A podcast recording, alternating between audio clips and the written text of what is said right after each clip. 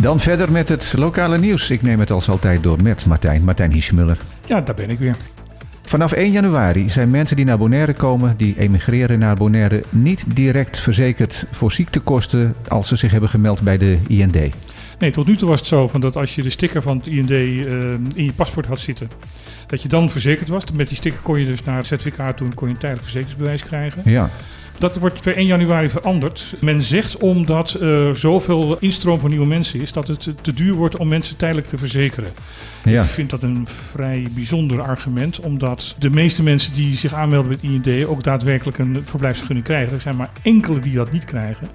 Dus eh, het is alleen maar wat mensen wat vroeger in die verzekering zetten. Maar ja, kennelijk eh, bezuinigingen. ja, dus daar sparen ze dan waarschijnlijk een paar maanden mee uit, want dat hele traject duurt Eh, tot maximaal geloof ik zes maanden. hè? tot zes maanden. Dus dat betekent dus dat je dus, als je hier naartoe komt, dat je dus zes maanden met, met omen of dat soort verzekeringen, peperduur, jezelf moet gaan verzekeren. Ja, want op het moment dat je je in Nederland uitschrijft, Dan ben je niet langer verzekerd. Nee. Dus er moet dan of een hele uitgebreide reisverzekering komen, in ieder geval iets wat duur is. Er, er zijn speciale expertverzekeringen, maar die zijn peperduur.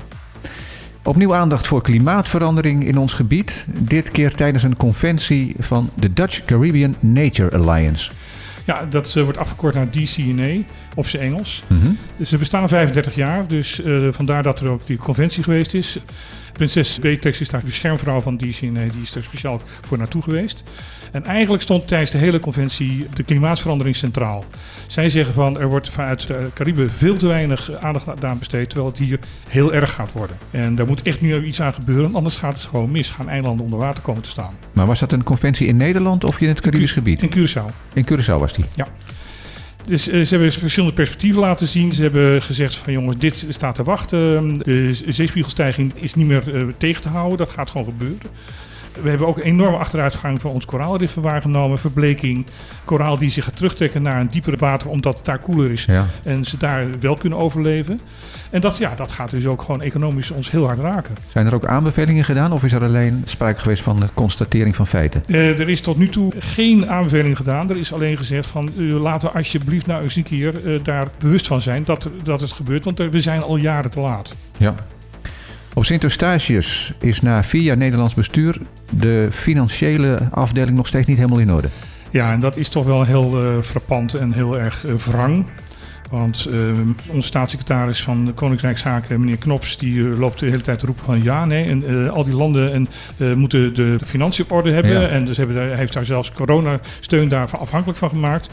En het enige gebied in de Cariben waar de Nederlanders wel het voor te zeggen hebben en het zouden kunnen sturen, zien ze in vier jaar tijd geen kans om op orde te krijgen. Nee, want het CFT heeft weer gezegd dat er heel snel orde op zaken gesteld moet worden.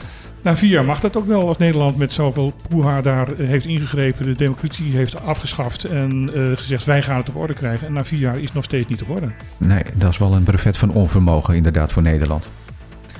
Even een uitstapje naar Curaçao, Ja, weer over MFK. maar dit keer niet over Dorothy. Niet over Dorothy, maar wel van een partijlid. Ja. Het begint dus zo langzamerhand een soort tendens te worden. Want nu is de statenlid eh, Eduard Braam, die is beoogd minister van Justitie. Maar de gouverneur heeft nu gezegd dat hij eh, niet ministeriabel is. Wat houdt het in? Ja, wat houdt het in en waarom? Nou, eh, meneer Braam is 20 jaar geleden veroordeeld wegens. Hij is, hij is arts en hij is veroordeeld wegens seks met een pa- patiënt.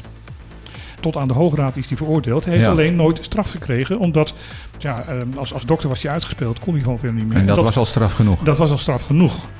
En nu zegt hij, ja, maar ik ben wel veroordeeld, maar ik heb geen straf gekregen, dus ik heb geen strafblad. Heeft hij een punt? Nee, Nee.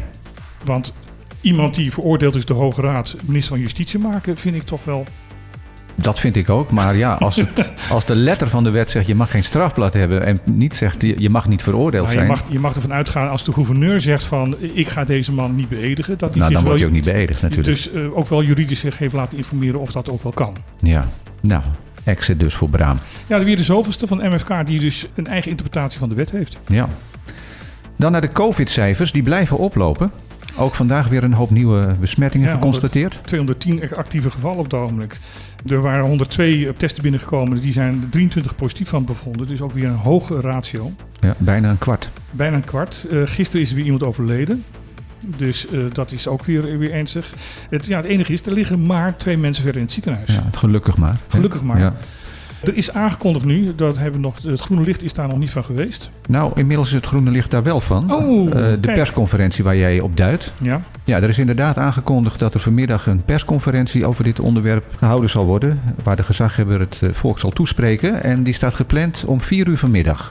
Ja, we hebben uit goede bron vernomen dat dat waarschijnlijk voornamelijk gaat over besmettingen thuis. Ja, er komen nieuwe maatregelen, zover is duidelijk. Hm. En inderdaad, uh, vooral de situatie in binnenruimte zal, uh, zal, zal worden aangepakt. Ja, nou vanmiddag om 4 uur dus die persconferentie. Vers van de pers. Wellicht dat we hem ook op Megahit FM uitzenden. Zo niet, dan kun je in ieder geval die persconferentie volgen via het YouTube-kanaal van het Openbaar Lichaam Bonaire. En ik zal net zoals de vorige keer een samenvatting schrijven die op Mega komt. En jij bent er ook om de vragen te stellen? Ja. Oké. Dan nog even naar het weer. Ja, het is vandaag de hele dag bewolkt. Er zou heel veel regen vallen vanochtend, dat is meegevallen.